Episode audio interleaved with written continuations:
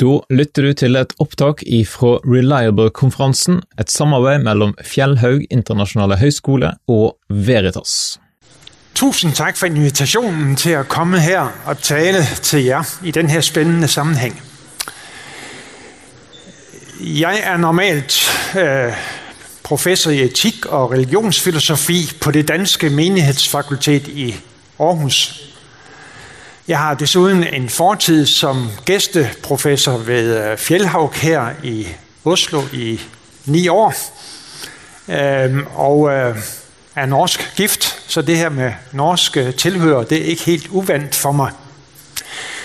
Øh, Udover etik og religionsfilosofi har jeg to sådan specialer, som jeg eller bibeskæftigelser, nemlig apologetik og forhold mellem islam og kristendom.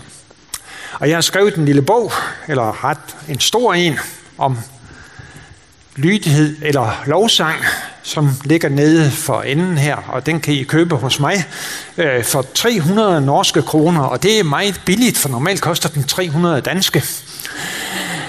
Øh, desuden vil jeg starte med at lige at introducere tre bøger af en øh, som kan sælges nede ved, i bogsælger hernede, af samme forfatter, nemlig Nabil Qureshi. Tre rigtig gode bøger, som jeg vil anbefale jer at købe. Den første, den hedder Søgte alle fandt Jesus. Den anden drejer sig om Guds problematikken. Bare én Gud. Øh, alle, eller Jesus. Og så jihad, brændende spørgsmål og svar. Hvis I er interesseret i det her emne, som samler os her, nemlig islam og relationen mellem islam og kristendom, så er de her bøger anbefalesværdige også. Så køb dem, hvis I overhovedet kan. Og så skal vi altså tale om Koranen og Bibelen. Og jeg har egentlig givet det her foredrag øh, overskriften, men de bibelske skrifter er jo forfanskede. Det er den indvending, som vi ofte møder fra muslimer. Øhm, og det er den, som vil være hovedproblematikken her. Har de ret i det synspunkt, at de bibelske skrifter er forfalskede? Øh, hvad kan vi sige, når vi møder den problematik? Og nu vil jeg lige sige, at øh, jeg går og venter på en øjenoperation. Så hvis jeg går og hvis, hvis jeg øh, på et tidspunkt står sådan her, så er det fordi, jeg simpelthen ikke kan læse mit manuskript. Øhm, øh, men jeg håber, det går. Muslimer, de har mange forskellige indvendinger imod kristendommen. Og ofte skyldes det, at de identificerer kristendommen med den vestlige verdens politiske og økonomiske handlinger. Så man skældner ikke mellem kristendom og den vestlige verden. Og det betyder en række argumenter imod øh, øh, kristendommen egentlig ikke har decideret specielt med øh, kristendommen at gøre. Men der er korstogene, der den vestlige verdens støtte til staten Israel, der er besættelse af muslimsk territorium, da den kulturelle og økonomiske imperialisme, da den udbredte missionsindsats, som vestlige missionærer har øvet i lange tider på muslimsk område. Men to af de faste og mest fremtrædende elementer, det er, at kristne på samme måde som jøderne har forfalsket deres hellige skrifter, altså Bibelen. Og for det andet, at kristne tager fejl, når de hævder, at Jesus er Guds søn. Og når de i sammenhæng hermed går ind for trinighedslæren. Dermed krænker de kristne efter muslimsk opfattelse den, det grundlæggende dogme om Guds enhed. Og vi vil her, som antydet, vi vil her i eftermiddag fokusere på den første af de her indvendinger, at de bibelske skrifter er forfalsket. Ikke alle muslimer er ganske vist enige om, at de bibelske skrifter er forvanskede. En kendt muslimsk reformator, Muhammad Abdu, som levede fra 1847 1849 til 1905. Han skriver, The Bible, the New Testament and the Quran are three concordant books. Religious men study all three and respect them equally. Thus, the divine teaching is completed and the true religion shines across the centuries. Han mener altså ikke, at de bibelske skrifter er forfalskede. Men de fleste muslimske lærte mener ikke desto mindre, at de bibelske skrifter på en eller anden måde er blevet forfalsket. Man er dog ikke helt enige om, hvordan. De tidligste muslimske kommentatorer, de øh, mente, at der var tale om en fordrejning af tekstens mening, uden at man havde ændret på selve teksten. Men efterhånden har det her ændret sig, sådan at det er blevet den generelle opfattelse, at man har fordrejet selve teksten. Det mener de fleste muslimer i dag, så vidt jeg ved. Og det er der også senmiddelalderlige spanske øh, muslimske teologer, øh, som har hævdet. Så den normale muslimske holdning til de bibelske skrifter er derfor kort sagt, at de er utroværdige, fordi de er blevet forfalsket. Og så er de også irrelevante, fordi Koranen rummer det endegyldige budskab. Så den eneste åbenbaring, det eneste åbenbaringsskrift, som muslimer normalt læser, det er øh, derfor Koranen. Når muslimer hævder, at de bibelske skrifter er forfalsket, så er det fordi, der er tekster i Koranen, der siger dette. Det er i hvert fald den normale muslimske forståelse af de her tekster, at Koranen i sig selv giver udtryk for, at Bibelen er forfalsket. Og det her op igennem islams, den muslimske historie, så har det været en fast del af muslimsk teologi, at skønt Bibelen oprindeligt var uh, Guds sande åbenbaring, så dens indhold altså øh, blevet forvansket, sådan at, at, at vi ikke kan stole på den her nu. Det er af flere grunde en mærkelig indvending, og jeg vil nævne seks grunde. For det første, Koranen hævder helt tydeligt, at Bibelen er Guds ord. Og hævder lige så, lige så tydeligt, at Guds ord kan ikke ændres. Altså burde Bibelen ifølge Koranen ikke være ændret. For det andet, det er meget tvivlsomt, om de tekster i Koranen, som muslimer i de sidste tusind år har brugt som basis for deres påstand om den forfalskede bibeltekst, faktisk taler om dette. For det tredje kan man overveje, om påstanden om den forfalskede bibeltekst overhovedet kan underbygges ud fra det tekstmateriale, som vi har tilgængeligt. For det fjerde, Barnabas evangeliet, som nogle muslimer vil fremhæve i stedet for de forfalskede bibeltekster, er under alle omstændigheder et falsum. For det femte, den muslimske alliance med den liberale bibelkritik truer med at save den gren over, som muslimerne selv sidder på. For det sjette, så har vi på dansk et udtryk, der siger, at man skal ikke kaste med sten, hvis man bor i et glashus. Jeg ved ikke, om I også har en på norsk, men det har vi i hvert fald på dansk. Man skal ikke kaste med sten, hvis man bor i et glashus. Og det kan også anvendes her over for islam. Man kan nemlig med god grund spørge, om det nu også er så sikkert, som muslimer normalt går og tror, at Koranen er den uforvanskede åbenbaring fra Gud, fra Allah. Vi vil se på de her punkter i tur og orden. Dog vil jeg springe det med Barnabas evangeliet over. Men først et par perspektiverende overvejelser.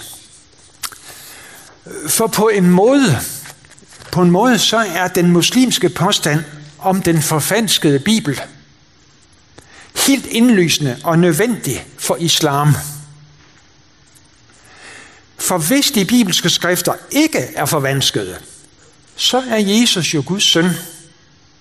Sådan som de bibelske skrifter og vi kristne påstår. Den endegyldige åbenbaring fra Gud Og så er der overhovedet intet behov for Muhammed, Koranen og islam. Så det hører simpelthen til forudsætningerne for islams legitimitet, islams sine qua non, kan man sige, at man kan påvise, at de bibelske skrifter i større eller mindre grad er blevet forfalsket. Men kan man det? Det er det spørgsmål, som vi her vil søge at besvare. I den her sammenhæng, så skal det også nævnes, at en af årsagerne til forestillingen om den forfalskede Bibel, givetvis har været, at der i Koranen står, at Muhammed han er forudsagt i Bibelen. Det står der mindst to steder om i Koranen i Surah 7, 157, og i Surah 61, vers 6. Men faktum er, at Muhammed hverken er forudsagt i det gamle eller det nye testamente. Og så er det jo en nærliggende forklaring, at de bibelske skrifter må være forfalsket. En anden forklaring, det kunne jo være, at Muhammed og Koranen tog fejl. Og muslimer har der også med lys og lygte let for at finde tekster i Bibelen, som skulle kunne tolkes som om Muhammed her er forudsagt.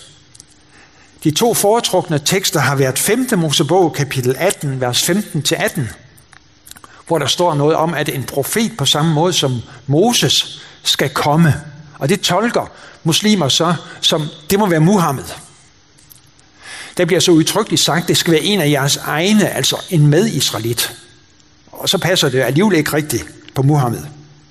Og en anden tekst er i Johannes evangeliet kapitel 16, vers 7, hvor der tales om talsmanden, om tolken, der skal komme.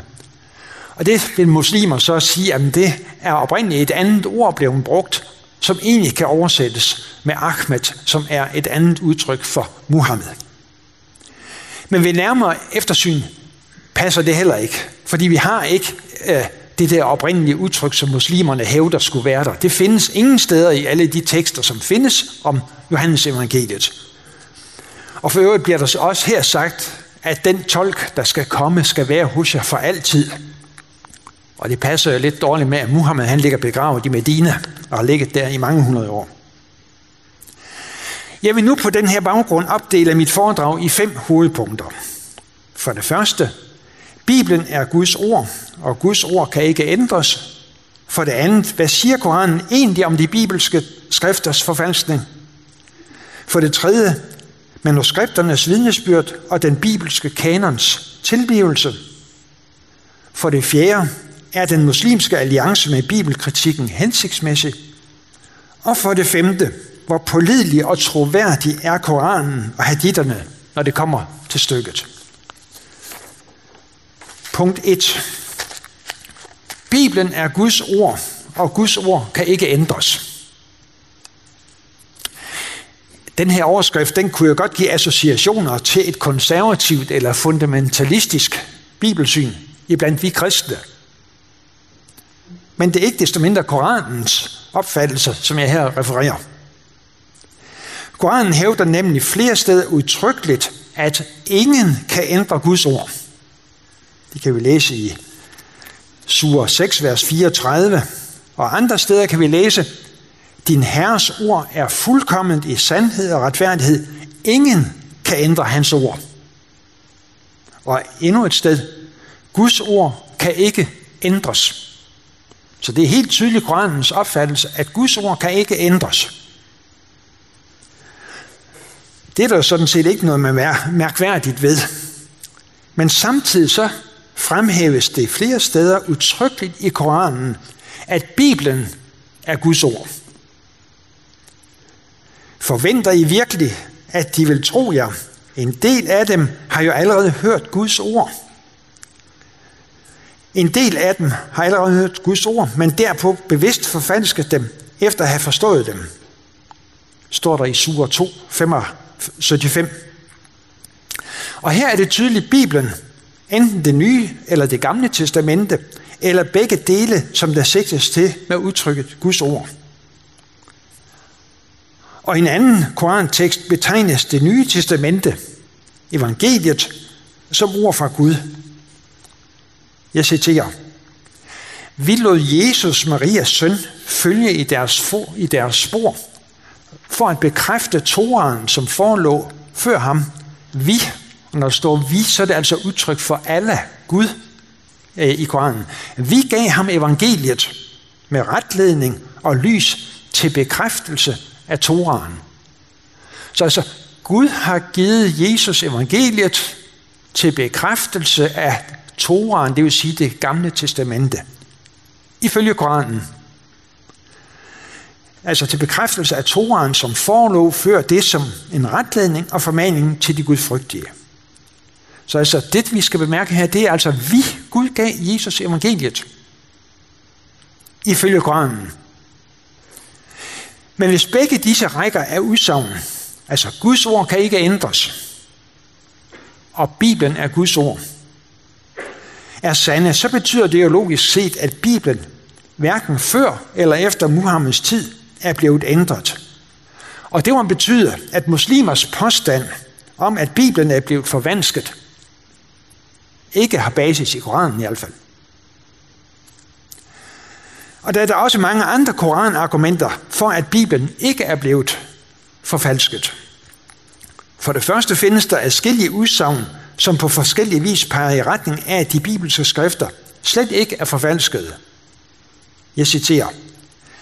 Vi tror på Gud og på det, der bliver sendt ned til os. Og det er formentlig Koranen, der tænkes på her. På det, der blev sendt ned til Abraham, Ismael, Isak, Jakob og Israels stammer. Det må jo være det gamle testamente. Og på det, der blev givet til Moses, til Jesus og til profeterne fra deres herre. Vi gør ikke forskel på nogen af dem. Vi overgiver os til ham, altså til Gud, til Allah. Så her bliver altså det, der bliver sendt ned til Muhammed, det vil sige Koranen, og det, der er blevet sendt ned tidligere i det gamle og det nye testamente, det bliver, sat, det bliver stillet på lige fod. Det er det, vi tror på. Vi tror på det, der bliver sendt ned til os, og det er altså det, vi kan læse i Koranen. Uh, sur 3, Øh, 84. Dernæst findes der en række vers i Koranen, der giver udtryk for, at de kristne skal tro på Bibelen.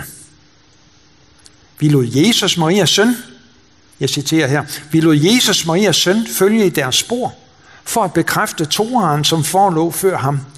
Vi gav ham evangeliet med retledning og lys til bekræftelse af Toraen, som forelå før det, som en retledning og formaning til de gudfrygtige.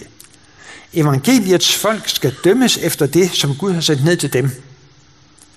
Altså de kristne, de skal holde sig ifølge Koranen til evangeliets ord. Og i skriftens folk, I har intet at holde jer til, før I efterlever Toraen, det vil sige det gamle testamente, og evangeliet, det nye testamente. Og det, der bliver sendt ned til jer fra jeres herre. Det fremgår også af skillige steder, at åbenbaringen til Muhammed ikke korrigerer, men stadfæster de bibelske åbenbaringer. Jeg læser. Han har sendt skriften med sandheden ned til dig, altså til Muhammed, til bekræftelse af det, der var før den. Han har sendt Toraen og evangeliet ned tidligere som en retledning for menneskene. Desuden findes der koranvers, der forpligter muslimer til at tro på det gamle og det nye testamente, og som ser Koranen i forlængelse af de bibelske skrifter. Disse profeter og disse bøger har nemlig grundlæggende, samme, har nemlig grundlæggende forkyndt det samme øh, indhold, de samme sandheder, som Muhammed bragte, nemlig åbenbaringen fra skriftens moder, som muslimerne forstår det, forstår det den himmelske Koran. Selv Muhammed bliver ved mindst to anledninger opfordret til at teste troværdigheden af sit budskab, altså de åbenbaringer, han siger sig have modtaget. Dem bliver han opfordret til, eller befalet til at sammenligne med de tidligere åbenbaringer til jøderne og til de kristne. I en sammenhæng, hvor der tydeligt er tales om Israels børn, altså jøderne, får Muhammed følgende besked. Hvis du er i tvivl om det, som vi, altså Gud, alle har sendt ned til dig, så spørg dem, der har læst skriften, opfør dig. Og det må være jøderne, og i en vis udstrækning de kristne. Og et andet sted læser vi, også før dig har vi sendt mænd, der havde fået en åbenbaring. Spørg dem, der har fået en påmindelse, hvis I ikke ved det. Det kan kun være jøderne og de kristne, der tales om her, som Muhammed skal spørge, hvis der er noget, han ikke ved. Alt det her, det peger i retning, tydeligt i retning af, at de bibelske skrifter ikke er forfalskede. Kristne skal ifølge Koranen tro på den bibel, som var tilgængelig på Muhammeds tid. Muslimer opfordres til det samme, og Muhammed selv skulle spørge bogens folk til råds, altså jøderne de kristne, hvis han var i tvivl om en åbenbaring. Muhammed han ville selvfølgelig ikke blive formanet til at søge råd fra en fejlbehæftet bibel. Altså var Bibelen på Muhammeds tid ikke fejlbehæftet. Og vi ved, at den Bibel, som vi har i dag, i alt væsentligt, er helt identisk med den Bibel, som forelå på Muhammeds tid. Altså er den heller ikke fejlbehæftet. Og dermed er vi fremme ved punkt 2. Hvad siger Koranen egentlig om de bibelske skrifters forfalskning? For der er jo altså tekster. Der er tekster i Koranen, der også kunne se ud som om, at Bibelen faktisk var for, forfalsket. Hvad betyder det så? Er de udtryk for, at Koranen grundlæggende er selvmodsigende, når det drejer sig om den her sag? Eller skal de her tekster forstås på en anden måde end den, som muslimer traditionelt har gjort? Muslimer hævder ofte, at både det gamle og det nye testamente er blevet forfalsket af de tidligere kirkefædre. Denne opfattelse bygger på flere vers i Koranen, der taler om, at skriftens folk skjuler sandheden, at bibelske, at bibelske skrifters ordlyd er fordrejet eller forfalsket, eller at ord er rykket ud af deres sammenhæng. Det er imidlertid vanskeligt at finde koranvers, der støtter opfattelsen, at selve den bibelske tekst er blevet forfalsket. Til tider peger man på sure 3, 78. Øh, en del af dem fordrejer ordlyden i skriften, for at I skal tro, at det, de siger, hører til skriften. Men det hører ikke til skriften. De siger, at det kommer fra Gud, men det kommer ikke fra Gud. De siger løgn om Gud, og de ved det godt. Så det er jo en tekst, som godt kunne pege i retten af, at skriften må alligevel ifølge Koranen være forfalsket. Men øh, der er jo også tale om, der er jo primært tale om dem, der forvrænger skriften med deres tale. Ikke nødvendigvis om, at skriften som sådan er forvrænget. Tværtimod understreger Koranen som nævnt, at ingen kan ændre Guds ord. Gud har talt i Koranen en tale, der stadfæster det, som forelå før den. Og selv de tekster, som klart taler om forfalskning i Bibelen, synes at hævde, at det, der er forfalsket, snarere er meningen end selve teksten. Eller at man selv har forfattet et skrift, og så fejlagtigt udgivet det for at komme fra Gud. Guds formidling gennem profeterne var pålidelig, men jøderne har forvredet og forfalsket eller fortidt det. Hertil kommer, at Koranen som nævnt hævder at stadfæste de tidligere åbenbaringer, og at Koranen faktisk opfordrer Muhammed til at konsultere bogens folk, hvis han er i tvivl. Og det giver som tidligere nævnt ingen mening, hvis de bibelske skrifter er forfalsket. Hermed står man for mig at se som muslim med det alternativ. Enten at acceptere, at Koranen er grundlæggende selvmodsigende med hensyn til de bibelske skrifters forvanskning, eller at acceptere, at det, som Koranen taler om, ikke er, at selve skriften, selve teksten er blevet forvansket, men at jøderne, og i mindre grad de kristne, det er primært, det, det er helt karakteristisk, at det er primært jøderne, som Koranen og som Muhammed øh, øh går i krig med, mens øh, vi kristne befinder os på en, på en lidt mere acceptabel, en lidt mere acceptabel kategori, et andet mere acceptabelt niveau ifølge Muhammed og Koranen. Det er primært jøderne, han er ude efter. Men altså, at, at det er øh, ikke er selve teksten, som er blevet forvansket, øh, men at det er tekstens mening, dens fortolkning. Og den mest acceptable løsning set fra muslimsk perspektiv må givetvis være, at det er den sidste. At det er ikke Bibelens tekst, som er forvansket, men dens mening, dens fortolkning.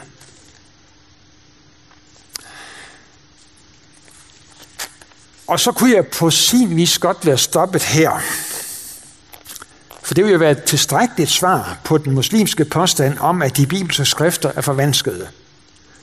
Nemlig at ifølge Koranen er Bibelen Guds uforfalskede ord, som både kristne, muslimer og Muhammed selv henvises til.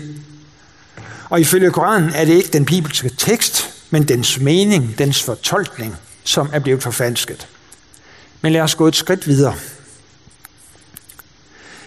Og se på punkt 3, manuskripternes vidnesbyrd og den bibelske kanons tilblivelse. Vi bevæger os altså nu bort fra en undersøgelse af Koranen. Det er der, jeg har befundet mig hidtil. Jeg har udelukkende set, hvad siger Koranen om de bibelske skrifter og deres forfalskning. Nu går vi et andet sted hen, nemlig at se på Bibelens oprindelse og troværdighed. Og det er jo et ganske omfattende og kompliceret spørgsmål, så jeg vil her nøjes med at tage to aspekter frem, som jeg opfatter som de mest relevante i relationen til islams, og for vidt også til nyreligiøse og ateisters øh, synspunkt og påstande om en forvanskning af Bibelen, nemlig manuskripternes eget vidnesbyrd og kanondannelsen. Altså kanon, det er altså spørgsmålet, hvilke skrifter skulle være med i den autoriserede kristne bogsamling, som vi har i Bibelen. Det er det, der ligger i begrebet kanondannelse. Mange taler om fejl i Bibelen. Og det kan jo, fejl i Bibelen kan, kan betyde mange ting. Jeg har mødt folk, der vil sige, at blot det, at vi har fire forskellige evangelier, som ikke beskriver Jesu liv og virke på helt samme måde, er udtryk for en fordrejning af Bibelen. Men sådan ser vi kristne normalt ikke på det. Bibelen har nemlig både en guddommelig og en menneskelig side. Og det er ikke en svaghed, men en styrke, at vi eksempelvis har fire lidt forskellige evangelier. Det kan sammenlignes med, at fire forskellige journalister giver hver deres beskrivelse af en stor og epokegørende begivenhed. Det giver et større perspektiv, end hvis vi måtte nøjes med en enkelt beskrivelse. Og for øvrigt så viser det også, at der ikke har været noget forsøg på at harmonisere det. Der har ikke været nogen ende at, være, at pille ved det, for at få dem til at ligne hinanden og blive helt identiske. Så det er et vidnesbyrd i sig selv om evangeliernes øh, ikke forfalskethed, ikke forvanskning. Så forvanskningen af Bibelen er ikke et spørgsmål om, hvorvidt der findes variationer inden for Bibelen selv. Det gør der sandelig også inden for Koranen og haditterne. Men om det kan påvises, at de enkelte skrifter i tidens løb er blevet ændret. Og sådan forstod muslimerne, som vi, så vidt vi ved, også oprindeligt talen om forvanskning af Bibelen. Findes der så vidnesbyrd om en sådan forvanskning? Det vil vi nu undersøge nærmere. Ved at se på manuskripternes vidnesbyrd. I 2005 publicerede den amerikanske teolog Bart Ehrman bogen Misquoting Jesus, The Story Behind Who Changed the Bible and Why. I den bog der bringer Ehrman det opsigtsvækkende tal frem, at der måske er op imod 400.000 varianter i de håndskrifter, der ligger til grund for det nye testamente. Det nye testamente, som vi har i dag. Op imod 400.000 varianter. Det lyder jo mildest talt foruroligende. Hvis det er tilfældet, hvordan kan vi så fastslå, hvad der er den originale tekst? Og hvordan skal vi kunne feste tillid til nogen som helst udgave af det nye testamente? En anden kendt amerikansk nytestamentlig teolog Craig Blomberg, har imidlertid set nærmere på tingene og konstateret for det første, at vi har mere end 25.000 manuskripter, som rummer hele Nytestamentet eller dele af det fra tiden før trykkekunstens opfindelse. Og så her er det altså ikke bare dem på, på græsk sprog, der taler om, men også dem, der findes på latin, syrisk, koptisk, armensk, georgisk og slaviske sprog. Altså forskellige tekster, som er tilgængelige håndskrifter, som findes før trykkekunsten, som man normalt lokaliserer til Gutenberg i 1445. Det betyder, at hvis der virkelig skulle være 400.000 varianter, hvad ingen ved, heller ikke Øhrmann, så er der kun 16 i gennemsnit per manuskript. Og ser man nærmere efter, viser det sig, at den helt overvældende majoritet af de her varianter er helt uskyldige. Så som man, at man har udladt en artikel, et bindeord eller et punktum. Og her må vi huske på, at de bliver jo mangfoldigt gjort ved håndskrift. Der var en, der læste op, og så sad der måske 10 og skrev det ned. Der kan let ryge et, et punktum. Eller at man har ændret på stavemåden. De eneste alvorlige problemer, som omfatter mere end et par vers, findes i forbindelse med afslutningen af Markus evangeliet. Markus kapitel 16, vers 9-20, og Johannes evangeliet kapitel 7, fra vers 53 til 8-11, om kvinden, der blev grebet i hår. Og de her problemer, dem har man været opmærksom på længe før Øman han udgav sin bog. Øman han havde også siden indrømmet, at essential Christian beliefs are not affected by textual variants in the manuscript tradition of the New Testament. Og vi må sige tværtimod, tværtimod gør mængden af manuskripter mere end 25.000 fra de første godt og vel 1000 år af kristendommens historie, og i alle de forskellige sprog, som i alt overvejende grad har det samme indhold. Det gør det usandsynligt, at det på noget tidspunkt, at der på noget tidspunkt er blevet truffet en beslutning om at forfalske dem. Hvordan skulle man, hvis man for eksempel i Rom havde fattet en sådan beslutning, få dem effektueret, for den effektueret i Ægypten eller i Syrien, og få den gennemført i de manuskripter, som for længst var blevet gemt væk i afsides beliggende kloster og kirker, og på alle de forskellige sprog. Og hvorfor og hvordan skulle de to konkurrerende bevægelser, jøderne og de kristne, dog kunne blive enige om at ændre i det gamle testamente for at bekæmpe en fælles fjende, islam. Så der er ikke meget rimelighed i den her påstand. Hvad det gamle testamente angår, var der i århundreder to til tider meget forskellige udgaver tilgængelige. Der var den såkaldt masoretiske tekst, og det er altså den, der er på hebraisk. Og der har vi mere end 3.000 tekster overleveret fra tiden før trykkekunsten. Og som generelt, det er den tekst, som generelt ligger til grund for de moderne oversættelser af det gamle testamente. Og så var der Septuaginta, en græsk oversættelse af det gamle testamente, som ifølge traditionen stammer fra omkring år 200 før Kristus. Så fandt man i 1947 i Qumran-hulerne ved Dødehavet tæt ved 200 bibelske manuskripter, plus en mængde andre, som stammede fra tiden omkring Jesus, det vil sige fra cirka 250 før Kristus til omkring 50 efter Kristus. Der var tale om kopier eller fragmenter af alle de gamle testamentlige skrifter, bortset fra Esters bog. Og det viste sig, at skønt der her og der var små forskelle i forhold til den masoretiske tekst, altså den, som man altid har oversat efter, når man skulle lave oversættelser af det gamle testamente, øh, så var der ikke desto mindre på forbløffende vis overensstemmelse mellem de der skrifter, som man fandt, de der elgamle skrifter, som man fandt i Qumran, og så den masoretiske tekst. Mest opsigtsvækkende var fundet af en hel rulle af Esajas bog, som kun rummede en håndfuld indholdsmæssige forskelle til den masoretiske tekst.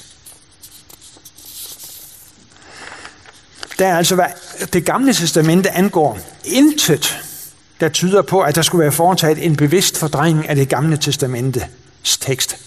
Og alt i alt betyder det, at det heller ikke er nogen tekstmæssigt belæg, absolut intet, for at hævde, at de bibelske skrifter skulle være blevet forvansket, sådan som muslimer op igennem historien har hævdet.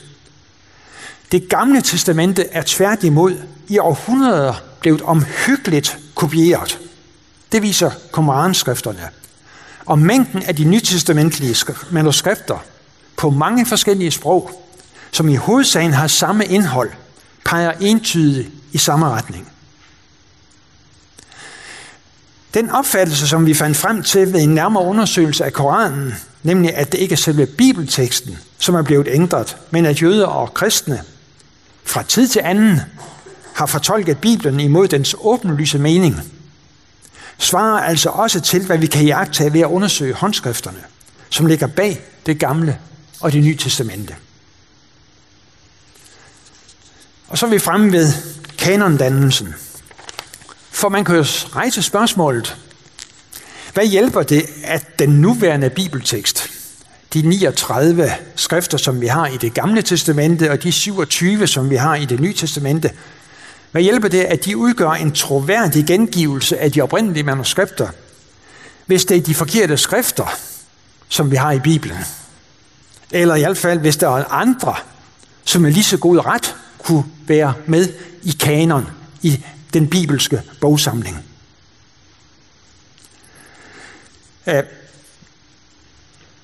Hvad hvis det faktisk er det nye testamente, det nye testamente, vi har i dag, det er udtryk for, at der er andre skrifter, som er blevet undertrykt og udelukket af den sejrende kirke efter eller omkring koncilet i Nikæa i 325. Mange nyreligiøse grupper tænker i den forbindelse på Thomas evangeliet, og nogle muslimer vil pege på Barnabas evangeliet. Og mange henviser altså til Nikæa-koncilet under Konstantinopel, nej, under, under kejser Konstantins forsæde i 325, som stedet, hvor udelukkelsen fandt sted, og hvor man så i øvrigt genskrev historien, sådan at den passede i den sejrende kirkes kram. Hvad skal vi sige til det? Kort sagt kan vi sige, at hovedmassen af det nye testamente lige fra begyndelsen har ligget fast, og at kanon allerede år 200 i det store hele var afklaret. Der var nogle få skrifter i det nye testamente, som man stadigvæk diskuterede, men i hovedsagen var den nytestamentlige skriftsamling, den lå klar. Det kan vi se af en række forskellige samlinger, som findes på det tidspunkt. Øh, allerede klar omkring år 200. Men skulle der så flere skrifter med? Der kan man spørge, hvilke skrifter var kandidater, og på hvilket grundlag kunne man afgøre, hvem der skulle med i kanonen? Grunden til, at man diskuterede det her spørgsmål, om der skulle andre med, andre skrifter med i kanonen, var blandt andet, at der i løbet af det andet århundrede var dukket en række skrifter op, som bar apostlene, apostlenes navne. I yderkanten af den kristne kirke, der var der forskellige grupper med anden teologi, som forfattede skrifter, og så opkaldte dem efter øh, de forskellige apostles navne. Derfor blev det nødvendigt at skelne mellem de sande apostolske skrifter og de falske. Hvordan kunne man det? Jo, man fandt hurtigt frem til i praksis, at der var tre kriterier, som var gældende. Og det var en praksis, som var fastlagt mindst 100 år før kejser Konstantin. Og det var de følgende tre. For det første, apostolicitet. Var det pågældende skrift skrevet af en apostel? Eller havde det godkendelse fra en apostel? For eksempel mener man, at Markus evangeliet egentlig er en genskrivelse af det Peter, apostlen Peter, har fortalt Markus i Rom. Og Lukas evangeliet, det var rigtig mange mene, at det er Paulus, der står bag Lukas evangeliet. Det har godkendelse fra Paulus. Og så er der i øvrigt i dag en stærk tendens til at mene, at evangelierne beror på øjenvidneberetninger eller beskrivelser fra på anden hånd af noget øjenvidner har fortalt.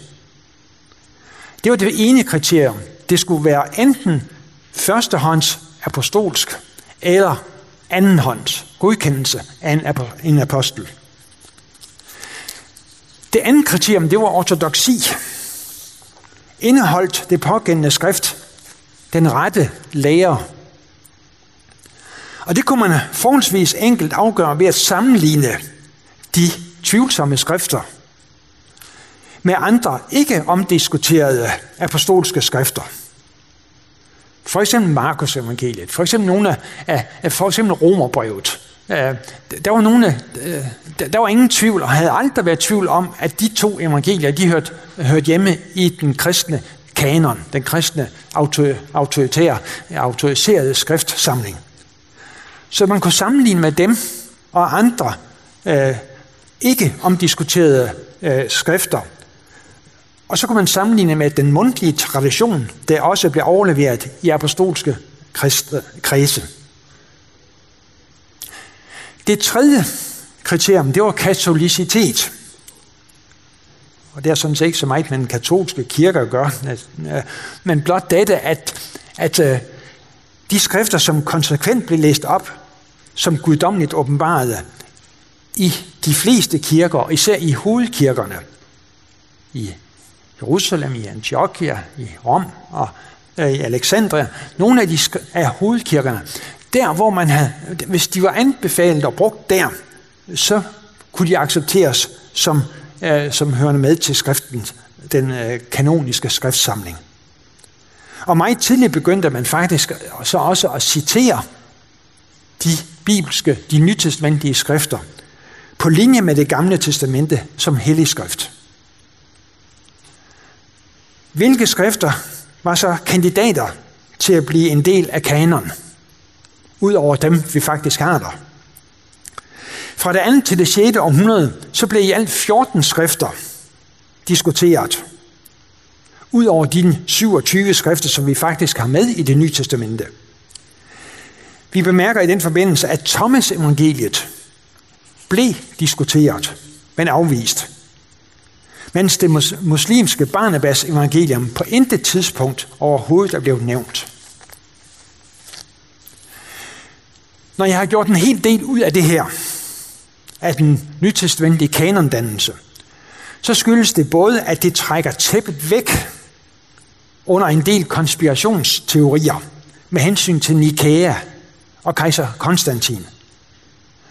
Og at det på ingen måde understøtter den muslimske forestilling om Barnabas evangeliet som det oprindelige og egentlige evangelium. Det, som mange muslimer tror og hævder. Og dermed er vi fremme ved punkt 4. Og jeg kan berolige jer med, at de sidste punkter de bliver væsentligt kortere end de første. Det drejer sig om at save den gren over, som man selv sidder på. Og spørgsmålet er, er den muslimske alliance med bibelkritikken hensigtsmæssig. Som vi har set, gør den muslimske, går den muslimske anklage om, at Bibelen er forfalsket, normalt ud på, at den bibelske tekst på et eller andet tidspunkt er blevet fordrejet. Det er den normale anklage. Det er den, vi kan genfinde op igennem historien. Men siden midten af 1800-tallet, så har muslimske apologeter skønt flertallet af muslimer aldrig eller sjældent læser Bibelen, intensiveret læsningen af Bibelen for at finde argumenter imod den kristne tro. Eksempelvis Jesu korsfæstelse. Øh, og den muslimske anklage om forfalskning af Bibelen har dermed fået en ny dimension – de har i den forbindelse også knyttet til ved vestlig historisk kritisk teologi. Og en række af de mest gængse muslimske indvendinger, som vi, som I også kan møde, når I taler med muslimer på gaden, øh, de er faktisk importeret fra Vesten. Der er en oplevet udarbejdet hele leksika, der beskriver modsætninger, fejl og misforståelser i det gamle og nye testamente. Og disse leksika, de bliver med jævne mellemrum genoptrykt og benyttes til angreb mod kristne missionærers forkyndelse. Men man kan godt stille det spørgsmål, om det nu også er en hensigtsmæssig strategi for muslimer. Islam har jo i meget høj grad vægret sig ved at gøre Koranen og haditherne, altså de forskellige fortællinger om Muhammeds gøren og laden, til genstand for en kritisk drøftelse. Og de muslimer, som er begivet sig ind på den vej, altså vurderer, har de forskellige surer og de forskellige dele af Koranen, har de noget på sig? Øh, øh lyder det sandsynligt? Er det troværdigt? Hvad er argumenterne? Og så videre. Dem, der har begivet sig ind på den vej, de er enten blevet dræbt, de er blevet udstødt, eller er blevet landsforvist. Det gælder eksempelvis Mahmoud Mohammed Tada fra Sudan. Han levede fra 1905 til 1985. Og da det nuværende, eller i hvert fald det foregående styre, det meget øh, radikale muslimske styre, kom til magten øh, midt i, på 80-årene i øh, Sudan, der var noget af det første, de gjorde, det var at henrette Mahmoud Muhammad Tada. Fordi han havde en anden tilgang til, til Koranen, end den, som var normal. En anden er Abu øh, Nasser Abu Said, som kommer fra Ægypten. Han mente, man skulle have en moderne litterær tilgang til Koranen. Så blev han anklaget for at være frafalden muslim og dømt som det, og blev tvunget til at, at skille sig fra sin hustru. Så flygtede hele familien til Holland. Øh, øh, og, og, og der var han så professor blandt andet i Leiden øh, i øh, islam og humanitære studier. Og en tredje er Fazlur Rahman fra Pakistan. Han var uddannet i England, han stammer fra Pakistan, uddannet i England og vendte tilbage og ville bruge moderne metoder til at, at, at, også at læse øh, Koranen. Og han fik at vide, at nu bør du hellere flygte, for ellers bliver du dræbt. Så muslimer har det ikke godt med den historisk kritiske metode. Men den gør jo ikke holdt nogen steder. Heller ikke når det gælder Koranen, og den bygger på præmisser, som på ingen måde harmonerer med islam. Så derfor er muslimske apologeter med alliancen med den her historisk kritiske metode i færd med at save den gren over, som de selv sidder på. Hvis man anvender den metode også på islam, på Koranen, så vil det være ødelæggende for centrale dele af muslimsk tro. Og dermed over til det lidt tilsvarende punkt 5. Man skal ikke kaste med sten, når man bor i et glashus. Hvor troværdig og pålidelig er Koranen og haditterne egentlig? Det er jo en kendt strategi, at det bedste forsvar, det er et godt angreb. Og det er den strategi, som muslimer har anvendt, når de kritiserer Bibelen. Men vi kan faktisk stille akkurat de samme spørgsmål, som muslimer har stillet til vi kristne, kan vi også stille til islam, til Koranen og haditherne. Da Muhammed han døde i 632, var en del af hans åbenbaringer formentlig nedskrevet. Men slet ikke alle. Og de var ikke samlet. Efter traditionel muslimsk opfattelse, så blev den autoriserede Koran, den blev samlet omkring år 605-5 øh, under den tredje kalif Utmans regeringstid af en firmandskomité. Forud for dette fandtes der øjensynligt ikke mindre end fem uautoriserede og ikke identiske koranudgaver. Og de var så, u, de var så forskellige, at der berettes om, at øh, der udbrød stridigheder mellem muslimske troppeafdelinger i Kaukasus lige før den her firmandskomité blev nedsat, vedrørende den korrekte udgave. Men efter at den autoriserede udgave var blevet konstrueret, befalede Utman, at de andre skulle destrueres for at fastholde det, det muslimske samfunds enhed. Det er jo ikke særlig betryggende, at de fem oprindelige udgaver, de blev destrueret, for at der kun skulle være en tilbage. Hvordan kan man være helt sikker på, at det nu også er den bedste, og, at den, og, og hvordan kunne det gå til, at de andre var så forskellige?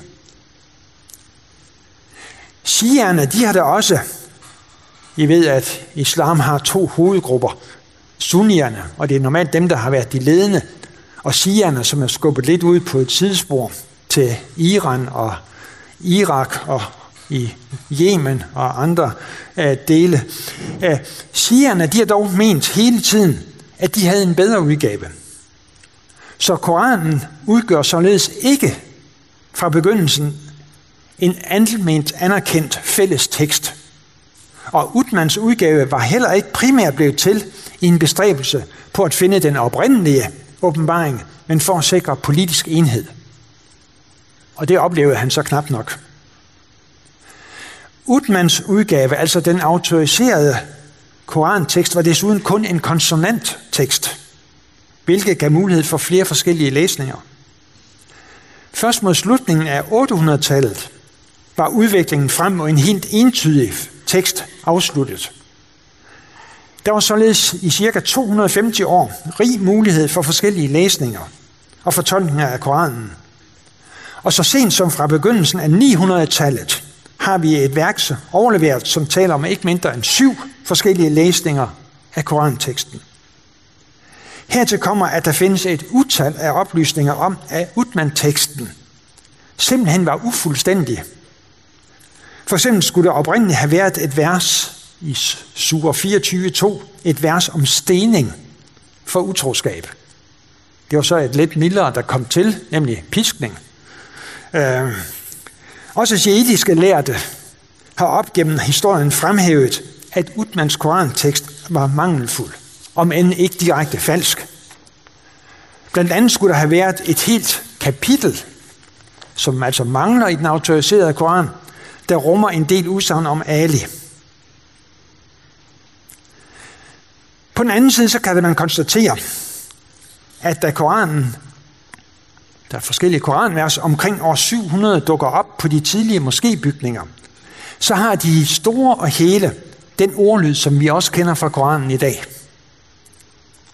Men der fandtes fortsat forskellige varianter af Koranen.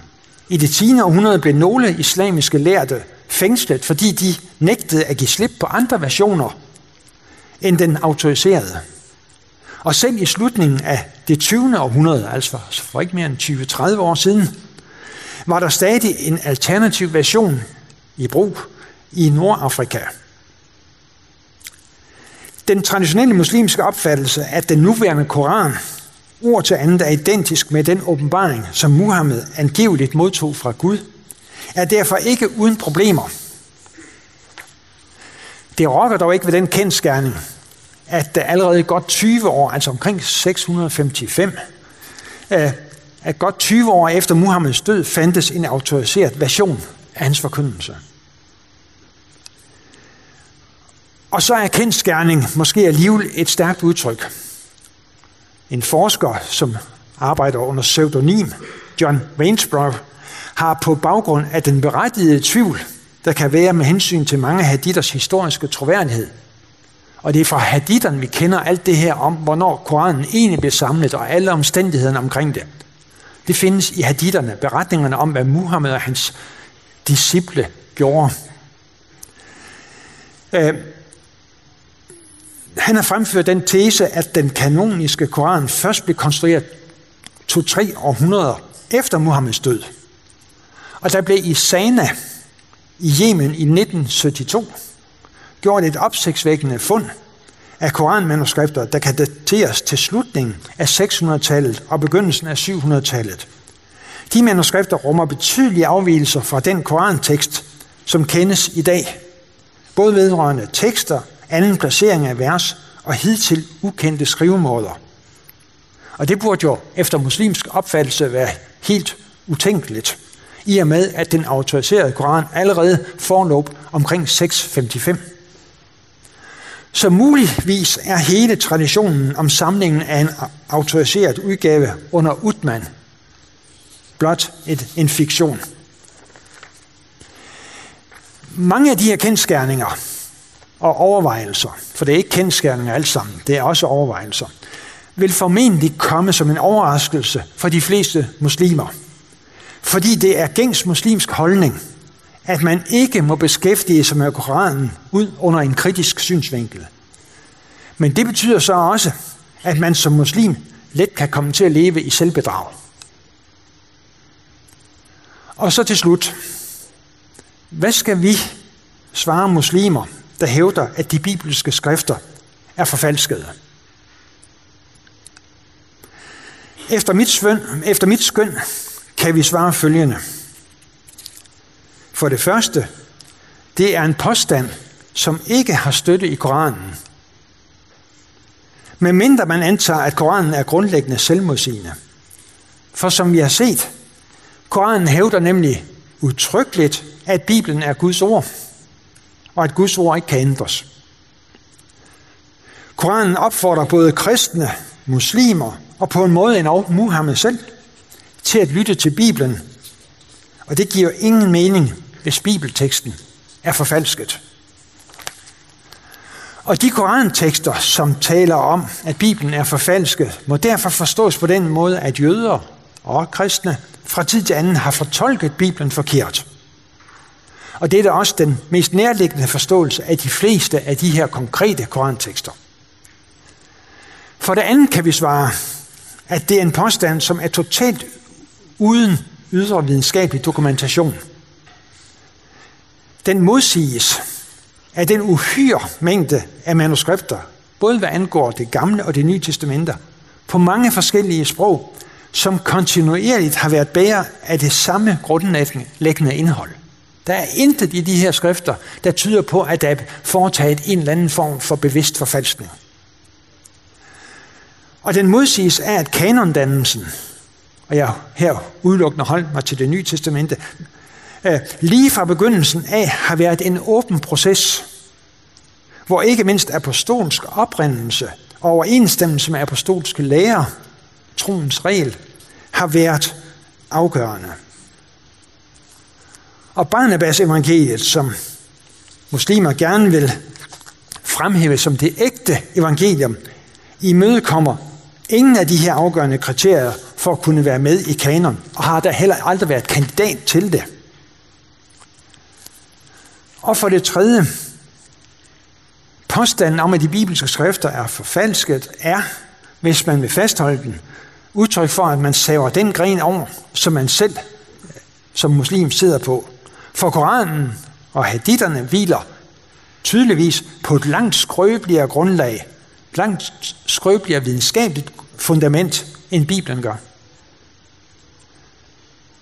Men, for det fjerde, hvis muslimer dermed med talen om den forvanskede Bibel indrømmer, at det betyder, at jødiske og kristne teologer fra tid til anden har fortolket den bibelske tekst forkert, så er der basis for en fornyet og positiv samtale. Tak for opmærksomheden.